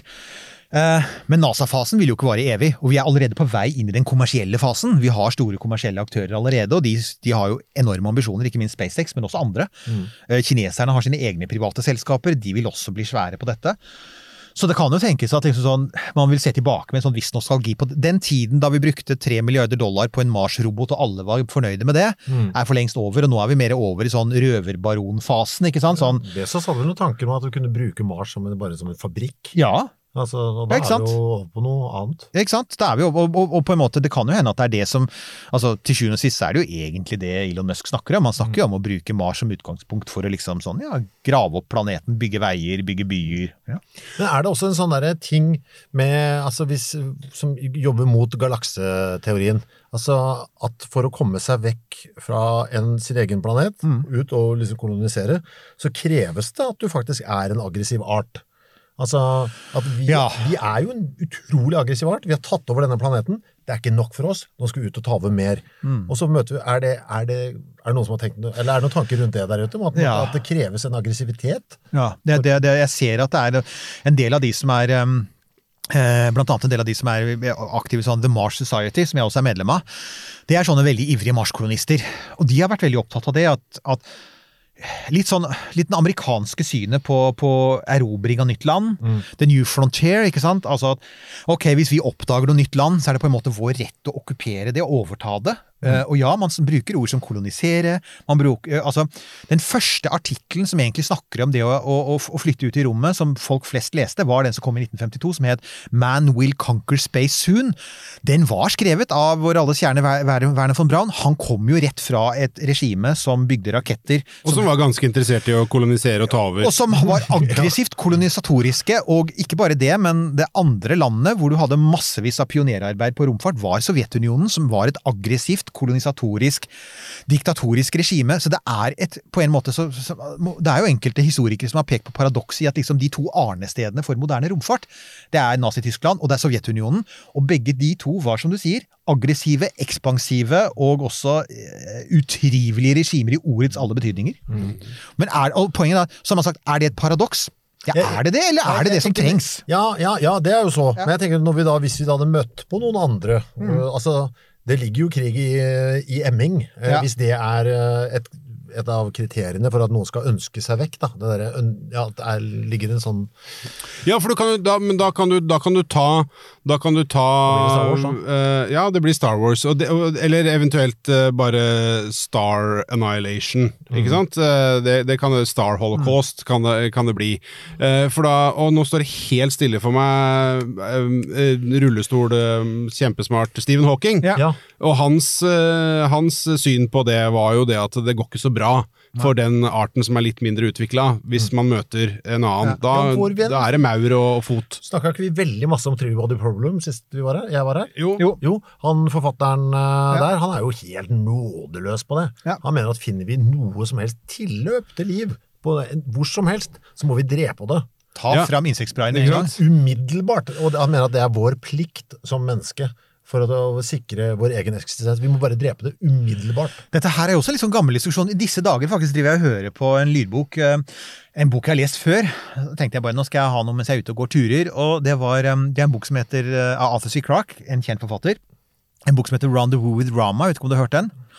Igjen, Rendezvous with Rama, det er altså Det er egentlig Oumea-Mea-scenarioet, men det er faktisk en romark. Det er en innmari god bok. Den er fra 71 eller 72, kan anbefales varmt. For den, den handler om hva skjer når det kommer noe fra det interstellare rom som først man tror er en litt avlang asteroide, og så begynner man å sette teleskoper på det, og så sier man Oh shit, det er jo ikke det, det er jo faktisk nettopp en romark. Ja. Og så handler det om utforskning av den romarken, og det skal jeg ikke gå inn i, for det er, de, han har en innmari kul løsning. Vel verdt å lese, altså. Virkelig god bok. Men her er et av poengene, da. Noe av det første som skjer da, han ser, det, ser for seg at dette skjer om 150 år, at det bor mennesker på Merkur og på Mars og litt sånn rundt omkring. Og noe av det første som skjer da, er selvfølgelig, skal vi, når den kommer mot oss, skal vi vente og se hva den gjør? Om den stopper og begynner å slippe ut aliens? Eller skal vi rett og slett bare sende en kjempesvær atombombe og sprenge høl i hele greia og la den rive seg selv i filler, ikke sant? Det er jo en helt reell diskusjon som han tar opp, og han var jo langt inne i dette, han var jo en smart fyr, så han, han tar jo opp det og sier eh, det er når vi altså Vi har alltid liksom sett på dette som en sånn der fredelig ting, som i nærkontakt av tredje grad, for å ta enda en film. De lander, og så kommer det litt sånn engleaktige romvesener ut. Og de skal, fre, de skal frelse oss, for de har løst alle problemene våre. Og da sier Arthur C. Clarke eller kommer vi bare til å loade opp rakettene våre og begynne å fyre løs før de rekker å gjøre noe? Hva tror du? Jeg, jeg, jeg er ikke sikker, ass.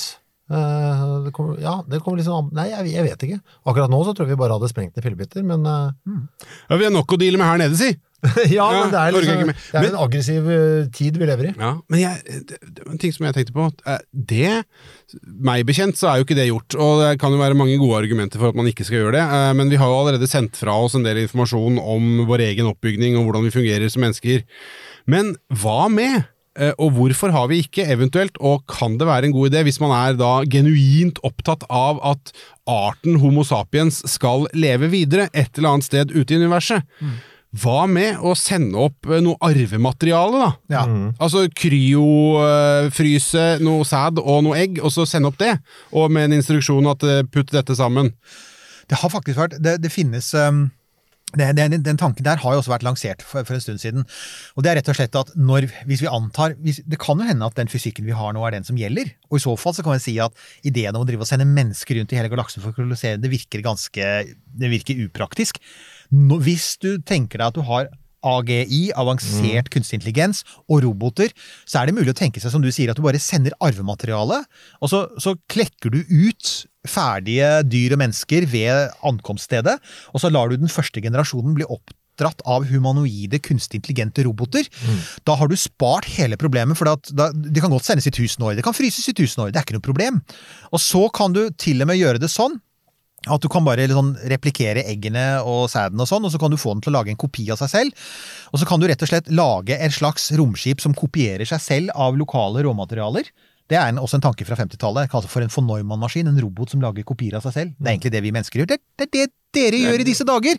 Du er en du og, din kone, du og din kone er en biologiske von Neumann-maskiner. Ja, Var, var ikke det romantisk? Og du vet jo hva ungen skal hete. For, For von Neumann. Ja, ja. Ja, det er det. Dessverre, altså, det er liksom von Neumann eller von Braun. Det, det, det er sånn Werner eller Ja. Werner von Neumann. Skal vi se, nå skal jeg bare ta en telefon og si at vi har en eh, change of plans. Ja, og nå vet, du også hva du skal si på Valentines, folkens. Her er altså da romkapseltippet for tipset for Valentines eller for bursdager eller sånn, eh, sånn eh, jubileer er sånn kjære lille von Neumann-maskinen min. Mm, Selges nå på ny, nytelse.no. Men, men dealen der det er jo at hvis du først bygger én sånn maskin, så kan du i løpet av noen millioner av år kolonisere hele galaksen. Du behøver bare å bygge én, for den kopierer seg selv. Jeg syns dette er den beste ideen hittil. Altså Mest Ja. sannsynlig også, faktisk, Ja. i mitt hode. Eh, For at Poenget er at dette er, dette, er, dette er litt som sånn Det er overkommelig. Det er overkommelig. John von Neumann uh, sa dette på 50-tallet, og argumentet hans var egentlig veldig enkelt her. Vi har gjort dette med fugler, vi har gjort dette med fisker og ubåter. Altså, vi ser at naturen gjør noe, vi er ganske flinke til å kopiere det naturen gjør. Eh, replikasjon og reproduksjon er noe vi allerede jobber ganske mye med. Vi kjenner så, så hvis du tenker det om 150 år, så er det ikke sikkert at du har ny fysikk, men at du kanskje har roboter, eh, du kan kopiere DNA, du kan bygge nye organismer av rent DNA. Og i så fall så kan du altså faktisk så hele Melkeveien med jordbasert liv i løpet av, man har regna på det, sånn fem til ti millioner år vil det ta. Og i Melkeveiperspektiv er det ingenting. Jeg liker det, faktisk. Jeg har ikke hørt den til Jeg syns det var briljant. Har til og med et eget navn, kalt for Bracewell Probes, etter en engelsk astronom som heter Bracewell, tror jeg. Jeg syns det virker som det mest eh, For at det, det var et eller annet hva Odus her var oppnåelig. Ja, overkommelig. Overkommelig, ja. ja Ja, for du trenger bare å bygge én. Ja, og så er det dette med altså, ja, at vi kan sende ut altså, Vi klarer jo ikke å fryse et helt menneske, det kommer aldri til å gå, men sende sæd og egg og, Ja. og noen til å håndtere og lære opp, ja. Første generasjon, og så, så går så det vi oss, Ja. så sender vi oss i disse de uthula asteroidene i bakkant. Ja. Det kan man, det kan man godt gjøre. Og så kan du håp om å komme fram til noe som de har ordna. Ikke sant? Og så er jo da Det fascinerende med det er selvfølgelig Da får du en slags sånn, sånn en galakse full av folk, men det blir en sånn galakse full av Madagaskar, ikke sant? For at det blir isolert. Alt kommer til å utvikle seg, alle retninger. Å, det blir så mye lemurer, ikke sant? Ja, gjør det. Minielefanter Og Ja, ja, ja. og-? Så både dyr og mennesker kommer til å utvikle seg etter de lokale forholdene. Mm. Og så får du Her er en ting, da. Og det er jo det som er er- Her er jo greia med den. Denne ideen, ah, den er enkel. Den er full, den, naturen gjør det hele tiden. Det burde være mulig for oss å kopiere den. Hvorfor har ikke vi sett noen sånne romskip som kommer til oss og sier eh, Som parkerer i jordbanen og skal begynne å spre sæd og egg fra andre kulturer? Det er jo den, Da kommer vi tilbake til Fermi-paradokset igjen. Koronavirus, ja. Ja, eller koronavirus, ja. Vi er, vi er viruset! Nå ser vi det, ikke sant? Vi er virkelig viruset. Vi infiserer ikke bare jorda, vi kan infisere hele galaksen. Ja, men vi er jo det. Da er Ja, jo Agent Smith i, eh, i eh, Matrix sier jo det.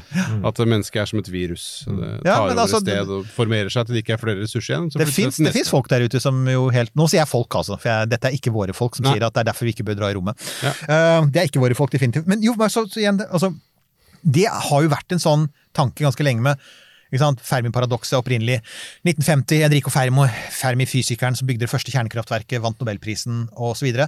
Han sier jo da, i en diskusjon om ufoer med sine kolleger under en lunsj på, på Princeton eller sånt noe, massevis av kloke hoder, og sitter da og sier sånn type ja, ok, disse ufoene, folk sier at de er romskip. Jeg tror ikke at de er romskip, sa han, men hvis det er sånn at det er liv der ute, hvor i all verden er det livet? Hvorfor, hvorfor, hvorfor, hvorfor ser vi ikke noe til det?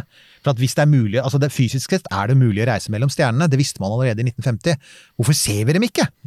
Og, og det er klart, dette konseptet her, med den der selvreplikerende virusaktige sonden som bare fyller galaksen med liv, Er vi kanskje resultatet av en sånn sonde? Ja, Det kan hende. Da, da er vi der, vet du. Vet du hva, den, den teorien den, Nå skal jeg bare gi sånn liten sånn Den teorien kan bekreftes. Vi reiser til en annen stjerne, og så finner vi liv der, og så tester vi det. Og så sier vi sånn Oh shit, det livet er jo faktisk DNA-basert. Det ligner det, det, Du ser at det har samme rot som oss. Ja, det, det er, det er horror, vet du. Ja, det er horror. horror, men deilig også. ja. Det er deilig. Jo, men det Da får du ny religion, det skal jeg love deg. ja, ja, ja. Jeg, jeg, jeg syns dette er borderline-religion Men det der, der er jo uh, hva, åh, gud, hva heter den filmen uh, hvor de finner det fjeset på Mars? Å, ikke The Red Planet eller Ja, er Mission to Mars. Mission to Mars, ja. Ja. men der, der er jo det Det er jo det er jo finalen på den filmen, er det ikke det? At det viser Jo. seg at jo, faktisk er det sånn, og så skyter det av gårde en eller annen sånn sporemaskin som øh, fyker Ja. av gårde masse små pods med noe menneskelig grain seed oppi. Men kan jeg spørre om noe sånn, litt Ja. sånn overbyggende her? Ja. Ikke sant? Dette her får vi aldri greie på, fordi vi, vi er døde før vi er, noe har skjedd uh, her. Blir dere litt lei dere av å tenke på det? Mm. Har, eh, har dere sånn åh, eh, og skulle ønske eh. Ja. Jeg er helt, helt konkret, tenker jeg. Jeg, er nå, jeg blir 56 nå i sommer. Mm. Eh, Nå begynner det å skje utrolig mye kult i romfarten, det ser vi jo. Det er en av grunnen til at vi har så mye å gjøre for tiden. At de driver og skyter opp i alle retninger, og det har tatt av igjen. Mm. Vi hadde jo, en, hadde jo en egen sending som hadde, de siste tiåret var jo dritkult i romfarten. Det skjedde så mye. Mhm. Og det ser ut som 2020-tallet blir enda bedre. Og da kjenner jeg på at jeg liksom er i ferd med å gå litt mot støvets år, akkurat når det begynner å skje ting. Ja, for jeg fikk en sånn Jeg satt og tenkte... Ja, jeg får den. Ja, for jeg følte litt på den nå, ikke sant? Men, nå er det jo Mars, da. ikke sant? Jeg opplevde jo ikke månelandinga, men jeg, det hadde vært gøy å få sett, sett at vi setter Ja, fot på Mars, ja. Ja. boots on the ground, ja. Jeg Ja, tror, tror tramper dere har enda bedre sjanse til å se Nei, det. men meg. tror du ikke at vi alle i rommet kommer til å oppleve det? Jo, Jeg nei, tror ja, det. Ja, altså, altså, Jeg tror det. det henger jo på én ting, føler jeg nå. Ikke? NASA driver og sjekker seg med at de skal klare det på 2030-tallet, er det de sier? Ja. Og det kommer jo ikke til å skje. Nei, det er, det er SpaceX. Ja. Øh, Men jeg tror det, For nå sender de opp den der den som de skal lande nå, ikke sant?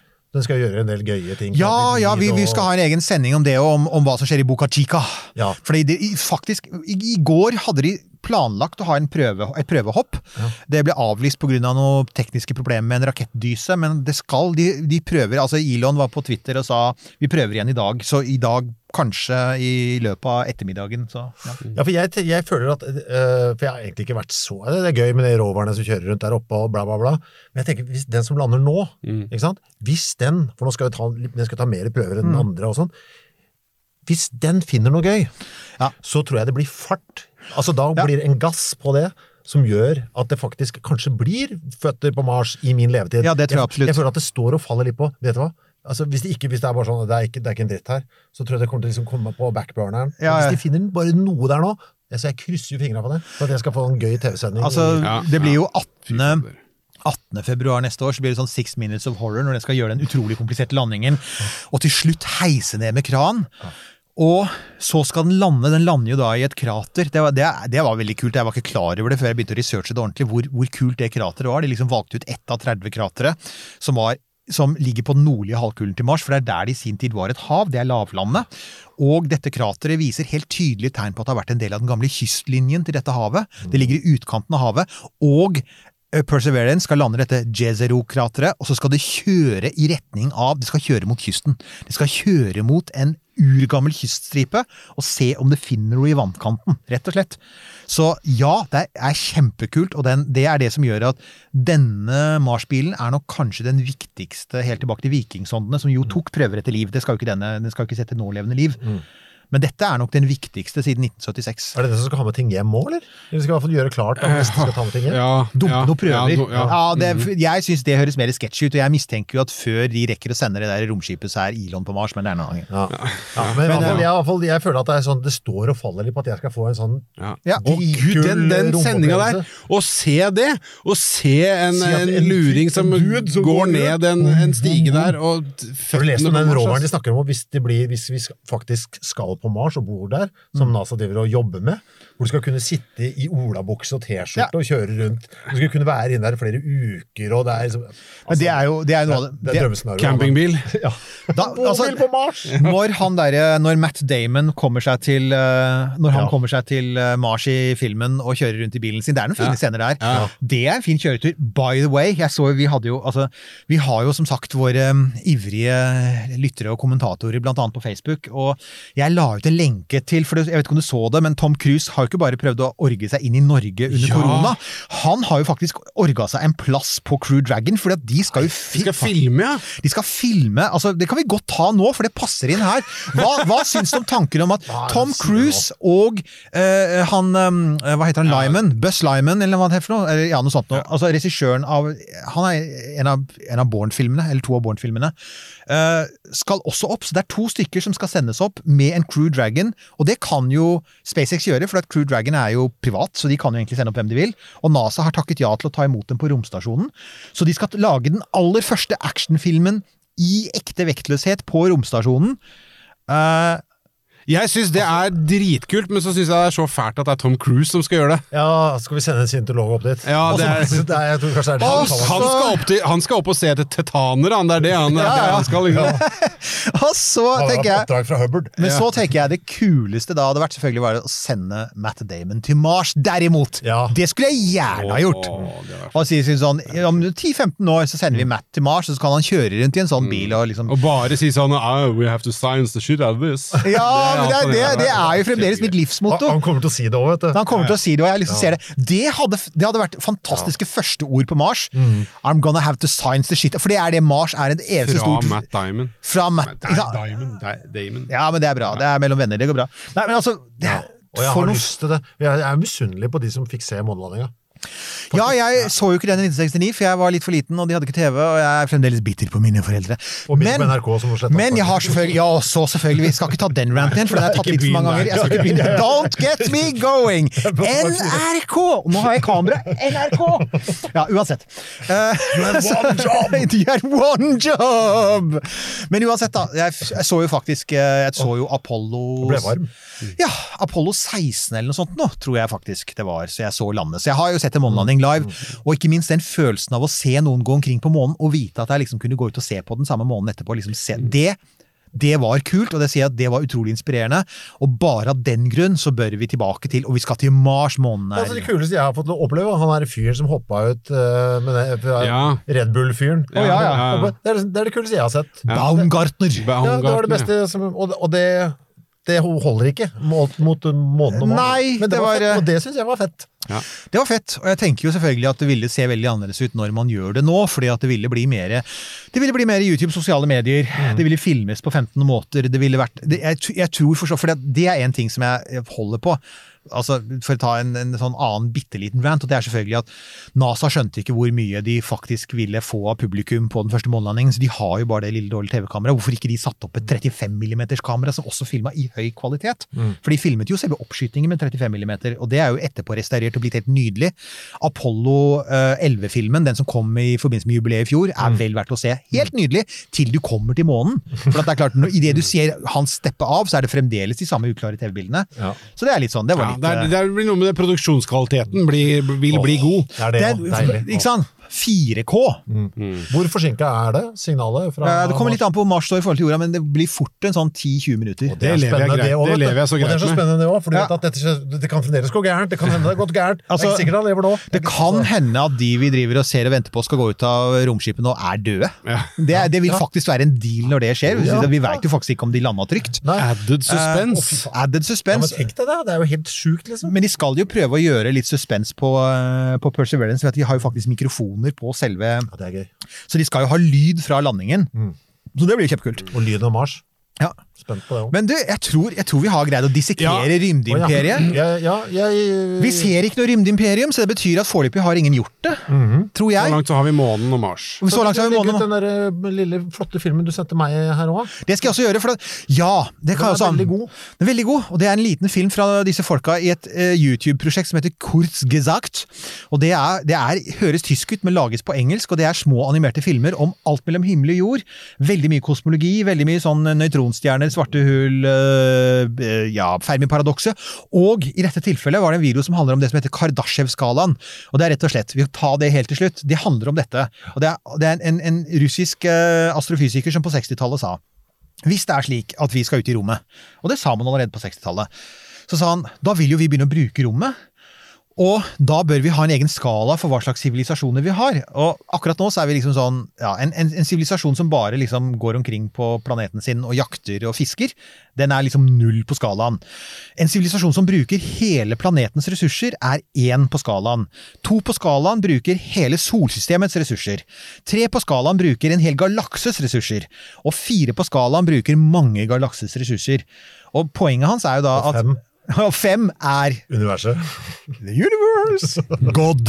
det, er, det er Gud, Ja, det var det, vet du. Ja, det er det er sant, ideen om at kanskje universet At man kan lage universer. Mm.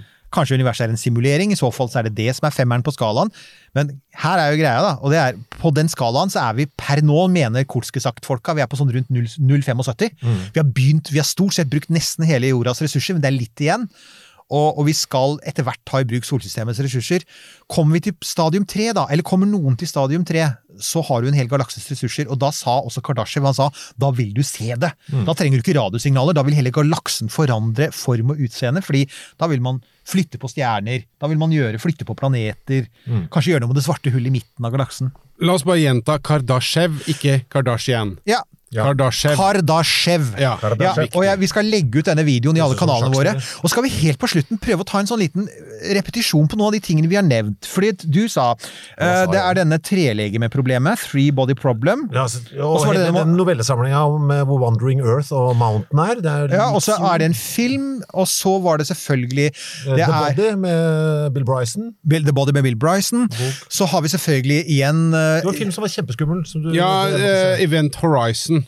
Event Horizon, Den har vi også i Epic Film uh, Movie Battle. Der er den Event Ja. Horizon. Den er så skummel. Så har vi Har- Harry Martinsson, Aniara. ja, den må jeg også gira på. Den må jeg også, og så har vi selvfølgelig Vi har Foundation, eller altså av Isak Asimov, eller Keiserrikets fall, oversatt igjen av han som hadde mye tid på 80-tallet. Eh, Byråsjef. eh, Byråsjef, tidligere byråsjef, tidligere og, byråsjef. tidligere byråsjef, og så under Og så av, av nødighet oversetter. Uh, Arne Treholt. Arne Og så har vi eh, Jo, og så har vi eh, Rendezvous with Rama av Arthur C. Clarke. Klassisk eh, roman fra 70-tallet. Og selvfølgelig, vi har Interstellar, folkens. Vi, vi, vi har hørt budskapet We hear you. Mm. Ja. Ok, skal vi si tusen takk for oss eh, Tusen, for tusen takk. i dag. Kristoffer, nok en gang, gratulerer med vel rundede 50 da dette sendes, og, og får håpe at du får noen år til. Til lykke med fødsel. Takk, takk. Og tenke at kanskje altså før du er Kanskje ikke før du er 60, men før du er 70, så tror jeg du får se Boots on Mars. We are gonna science the shit out of this. Denne Podkasten er produsert av Tid og Lyst.